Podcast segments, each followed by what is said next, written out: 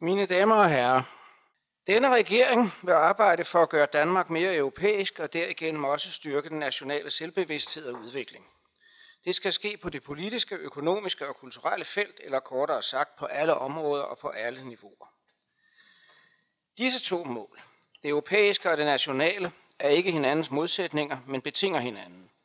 Uden en fundamental bevidsthed om Danmarks placering i Europa findes der heller ingen bevidsthed om nationens placering i verden i det hele taget, og dermed heller ingen bevidsthed om nationens enart, om de kvaliteter, der bør værnes om. Uden viden og bevidsthed om vores omverden, ingen viden og bevidsthed om os selv. Så denne regering vil arbejde for at gøre Danmark til et fuldgyldigt medlem af den europæiske union, EU. Med andre ord, vi vil arbejde for afskaffelse af de fire danske forbehold, som fra at være en redningsplanke efter afstemningen om Maastricht-traktaten i 1992, er blevet en forhindring for at deltage i beslutningsprocesser på områder, som viser sig stadig vigtigere nu og i fremtiden. Vi vil i særdeleshed arbejde for afskaffelsen af retsforbeholdet og forsvarsforbeholdet. Det er uholdbart, at Danmark ikke fuldgyldigt kan deltage i udformningen af EU's indre og ydre sikkerhedspolitik, og vi kan ikke forvente solidaritet fra andre, hvis vi ikke selv viser os solidariske. Vi kan ikke gøre vores synspunkter gældende og få indflydelse, hvis vi holder os ude fra de fora, i hvilke emnerne forhandles. For at sige det lidt mere jævnt, det nytter ikke at stille op på videre stadion, hvis kampen spilles i parken. Men i disse fora skal vi gøre vores holdninger og synspunkter gældende og fremlægge vores forslag med al den vægt, vi kan sætte bag. Vi skal søge alliancer, som giver os indflydelse, og ikke alliancer, som sætter os udenfor. Vi må også se i øjnene, at vores muligheder for at påvirke andre politikområder i EU, end dem, der er omfattet af forbeholdene, ikke mindst miljøpolitikken, som bliver mere og mere central, svækkes af, at vi ikke opleves som fuldgyldige medlemmer af unionen. Forbeholdene har ikke kun virkning på de områder, de gælder for. Med dette er ikke sagt, at Danmark nødvendigvis blot skal acceptere de planer og udviklinger, som allerede er lagt respektive sat i gang. Vi skal, som allerede nævnt, bringe vores synspunkter ind i debatten med al den vægt, vi kan give dem, og vi skal på de områder, hvor vi måtte finde, at tingene enten går skævt eller for langsomt, eller måske baglæns, naturligvis gøre vort til at forbedre situationen. Helt afgørende er det at sikre og øge respekten for EU's institutioner, i særdeleshed for EU som et retssamfund. Svigter det europæiske fællesskab over for den opgave at håndhæve sine egne retsprincipper, falder Europa fra hinanden, og hvert enkelt land, selv de største af dem, vil være ildefaren i fremtidens globale udvikling. Danmark må derfor ikke efterlade nogen som helst tvivl om, at vi lever op til EU-aftaler og alle internationale aftaler og konventioner. Der må heller ikke efterlades nogen som helst tvivl om, at Danmark efterkommer domme afsagt af EU-domstolen.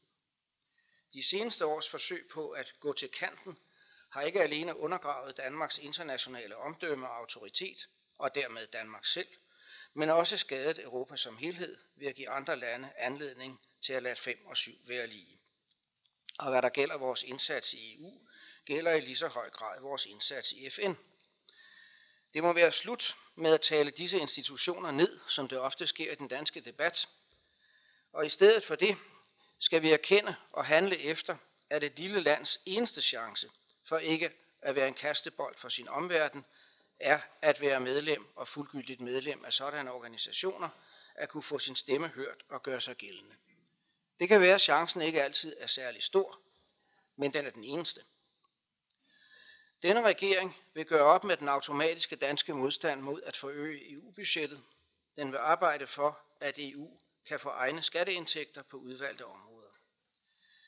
Dette indebærer selvsagt ikke, at regeringen vil bifalde et hvilket som helst forslag til øgede udgifter.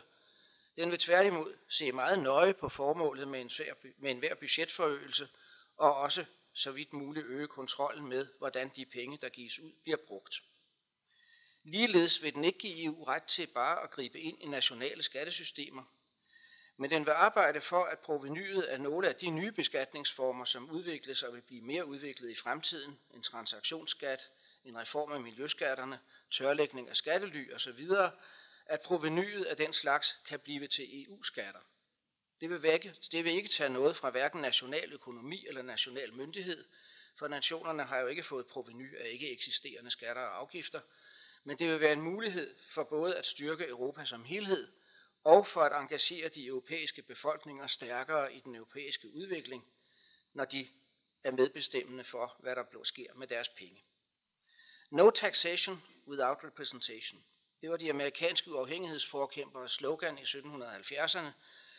De sagde jo ikke, at de ikke ville betale skat, men at de ville være med til at bestemme skatternes størrelse og anvendelse.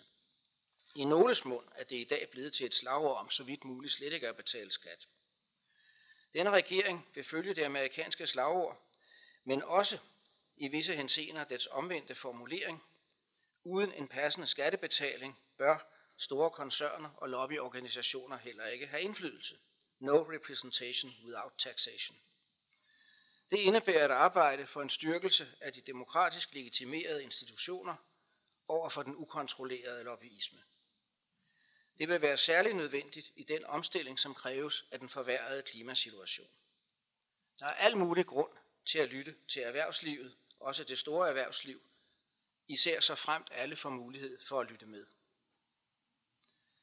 Denne regering vil regelmæssigt over for Folketinget og offentligheden redegøre for løbende forhandlinger i EU og gøre det så åbent som muligt. Selvsagt er der fortrolige momenter i enhver forhandling, men disse skal fortolkes så snævert som muligt. Regeringens mål er at gøre udviklingen i EU til en del af den løbende politiske debat i Danmark. At komme bort fra den dårlige vane at se dansk politik og EU-politik som adskilte sfære.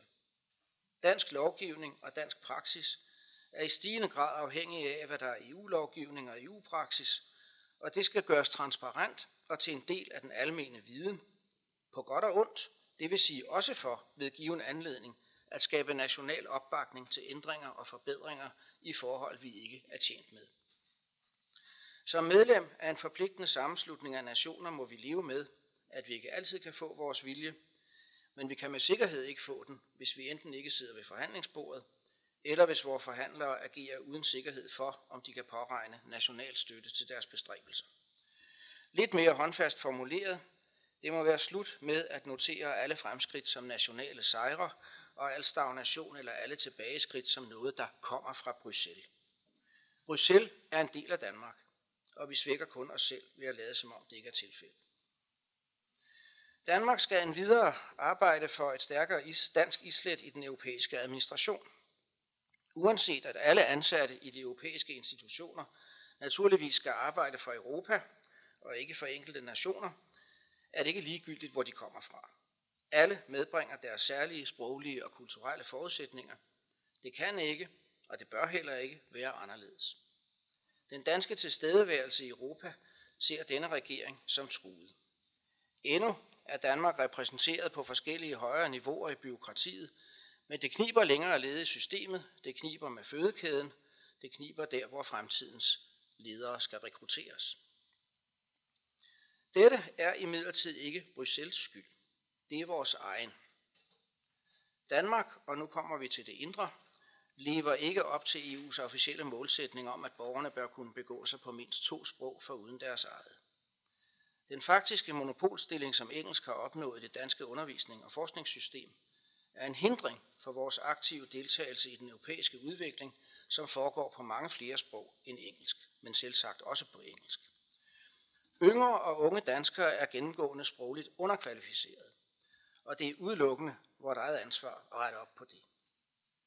Det handler ikke alene om bedre sproglig uddannelse til personer, som skal arbejde i EU-systemet, men også om at gøre befolkningen som helhed så fortrolig med mere end et fremmedsprog, at flere af os bliver i stand til at følge med i de debatter, der foregår i andre europæiske lande. For at sige det lidt konspiratorisk, at kunne lytte med på deres samtaler med hinanden, og derigennem bedre forstå baggrunden for det, de siger til os.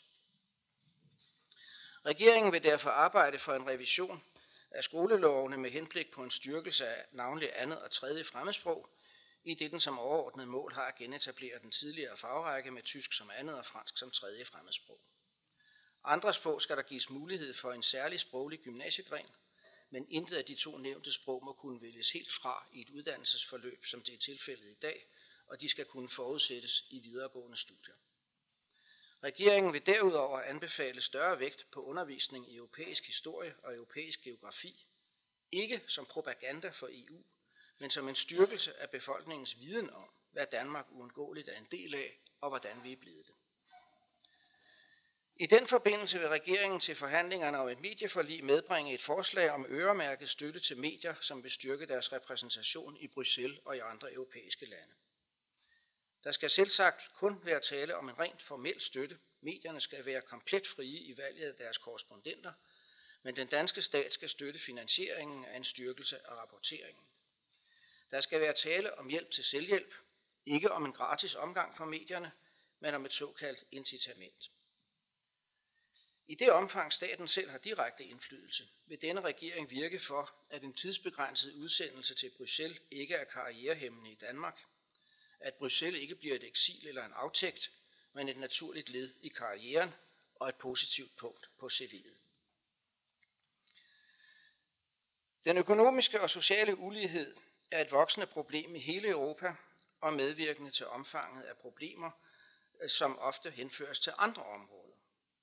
Svigtende integration af flygtninge og indvandrere gøres til et religiøst og etnisk problem for de pågældende mindretal, mens det i realiteten mindst lige så meget beror på flertallets manglende evner og vilje til at skabe sociale og økonomiske muligheder for de indvandrede. De seneste årtiers tendens til at individualisere problemer, som i grunden er samfundsmæssige, virker med til en opløsning både af de enkelte samfund og af det europæiske sammenhold. Arbejdsløshed skyldes ikke bare, at individer ikke gider arbejde. Fattigdom skyldes ikke bare, at individer ikke kan finde ud af at holde hus med deres penge, og så fremdeles. Og som samfundene nationalt må tage et medansvar, jeg siger udtrykkeligt et medansvar, og ikke et ene ansvar for løsningen af sådanne problemer, således må den mere velstående del af Europa tage et medansvar for at ophjælpe den mindre velstående del af Europa. Forskellen på den Marshallhjælp, som var med til at bringe Vesteuropa på fod efter 2. verdenskrig, og den behandling Grækenland og tendentielt andre sydeuropæiske lande, EU-medlemslande, blev udsat for omkring 2010, kan i korthed udtrykkes sådan. Marshallhjælpen begyndte med hjælp og forventede og krævede efterfølgende reformer. Behandlingen af Grækenland begyndte med vidtgående reformkrav og stillede sig måske hjælp i udsigt senere. Derfor skabte Marshallhjælpen optimisme og virkelyst. Behandlingen af Grækenland skabte depression og apati og forlængede krisen. Denne regering vil arbejde for, at Europa ikke gentager fejltagelserne fra den gang. Voksende ulighed og manglende respekt vil føre til, et stadig, til stadig større konflikter, i værste fald til revolutioner eller krige. Men alligevel kan man godt bruge den franske revolution til noget, man kunne godt tænke på at aktivere dens berømte slagord. Lighed, eh, frihed forstået i dag som demokrati, lighed i dag forstået som økonomisk udligning, og broderskab i dag forstået som skikkelse af respektfuld omgang med en anden accept af forskellighederne, men søgen efter fællesmængderne. For inderst inde er den europæiske union et fredsprojekt, skabt af Europas fælles nederlag i 2. verdenskrig. Tyskland kapitulerede og led det største nederlag, men både Frankrig og Storbritannien måtte afvikle deres imperier, som de ikke længere havde styrke til at opretholde. Ingen europæisk magt, hvis vi definerer Europa som vi plejer, nemlig uden Rusland, var længere en stormagt. Det fik seks lande i Vesteuropa til at slutte sig tættere sammen, ikke mindst Frankrig og Vesttyskland. I dag forekommer deres samarbejde yngre generationer en selvfølge, i et historisk perspektiv er det nærmest et mirakel. Men det er selvfølgelig ikke noget mirakel. Det er en følge af indsigt og sund fornuft og hårdt arbejde. Der er heller ikke grund til at forvente mirakler i fremtiden, men med indsigt og sund fornuft kan man komme langt.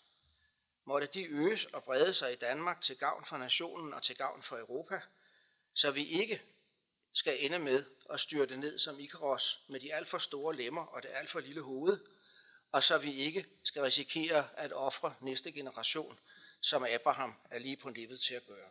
Tak.